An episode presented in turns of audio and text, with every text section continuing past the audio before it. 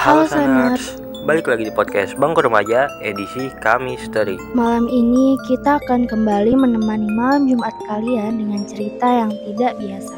Oke Saners, tanpa berlama-lama lagi, saya Habil dan saya Fani. Kami, Kami akan membawa kalian pada, pada sisi, sisi lain kehidupan. kehidupan.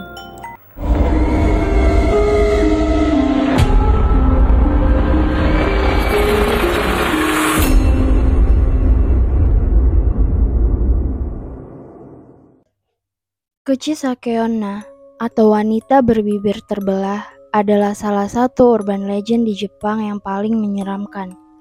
Kisahnya berawal pada periode Edo di Jepang ketika terdapat seorang wanita cantik bernama Kuchi Sakeonna yang menjadi korban kecelakaan. Kecelakaan tersebut menyebabkan bibirnya terbelah dari mulut hingga ke telinga sehingga dia selalu menggunakan masker untuk menutupi wajahnya. Kuci Sakeona sering muncul di malam hari dan menghampiri orang yang sedang berjalan sendirian di jalanan yang sepi. Ketika dia bertemu dengan seseorang, dia akan menanyakan, "Watashi kirei?" atau dalam bahasa Indonesianya, "Apakah aku cantik?" Jika orang yang ditanyai menjawab, "Iya," maka dia akan melepas maskernya dan memperlihatkan wajahnya yang menyeramkan dengan bibir terbelah dari mulut hingga ke telinga. Dia kemudian akan bertanya lagi, "Apakah aku masih cantik?" Jika orang tersebut menjawab tidak, maka dia akan membunuh orang itu dengan gunting atau pisau yang selalu dibawanya. Namun, jika orang tersebut menjawab iya, maka dia akan memberikan pertanyaan terakhir. Bagaimana menurutmu dengan bibirku? Jika orang yang ditanya tidak memberikan jawaban yang memuaskan, maka ia akan membunuh orang tersebut. Seiring dengan popularitas legenda Kuchisake Onna, muncul beberapa cara untuk melindungi diri dari hantu tersebut. Salah satunya adalah dengan memberi jawaban ambigu saat Kushisake Onna bertanya tentang kecantikannya, sehingga membuatnya bingung dan memberikan kesempatan bagi orang yang ditanya untuk melarikan diri. Namun ada juga beberapa cara yang kurang lazim seperti membawa permen atau kacang untuk melemparkan pada Kuchisake Onna agar terganggu dan memberikan kesempatan untuk kabur. Legenda Kuchisake Onna menyebar dengan cepat dan menjadi populer di seluruh Jepang. Terdapat beberapa teori mengenai asal-usul Kuchisake Onna, termasuk pada era Edo di Jepang pada abad ke-17.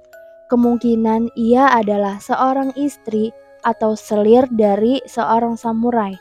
Ia dikaruniai wajah yang sangat cantik namun sangat sombong. Ia juga sering berselingkuh di belakang suaminya, sehingga Suaminya merasa cemburu dan dikhianati, lalu menyerangnya dan membelah mulutnya hingga ke kuping. Lalu berkata, "Sekarang siapa yang akan berkata kau cantik?" ejek suaminya. Ada juga yang menceritakan bahwa dia adalah seorang pembunuh berantai yang menggunakan masker untuk menutupi identitasnya. Juga ada kisah tentang wanita korban operasi wajah yang gagal.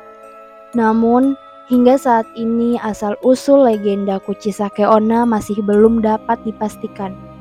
Karena begitu menakutkannya cerita Kuchisake Onna, pemerintah di beberapa tempat di Jepang seperti Osaka dan Tokyo bahkan membuat peraturan untuk melindungi warga dari hantu-hantu seperti Kuchisake Onna.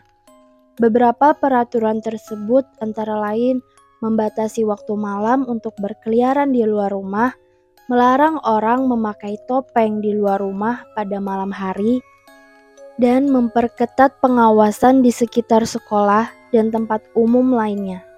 Namun, meskipun telah ada peraturan dan tindakan preventif lainnya, legenda Kuchisake Onna tetap hidup dan menakutkan. Banyak orang masih merasa takut dan curiga terhadap wanita yang mengenakan masker operasi di wajahnya, bahkan di luar Jepang.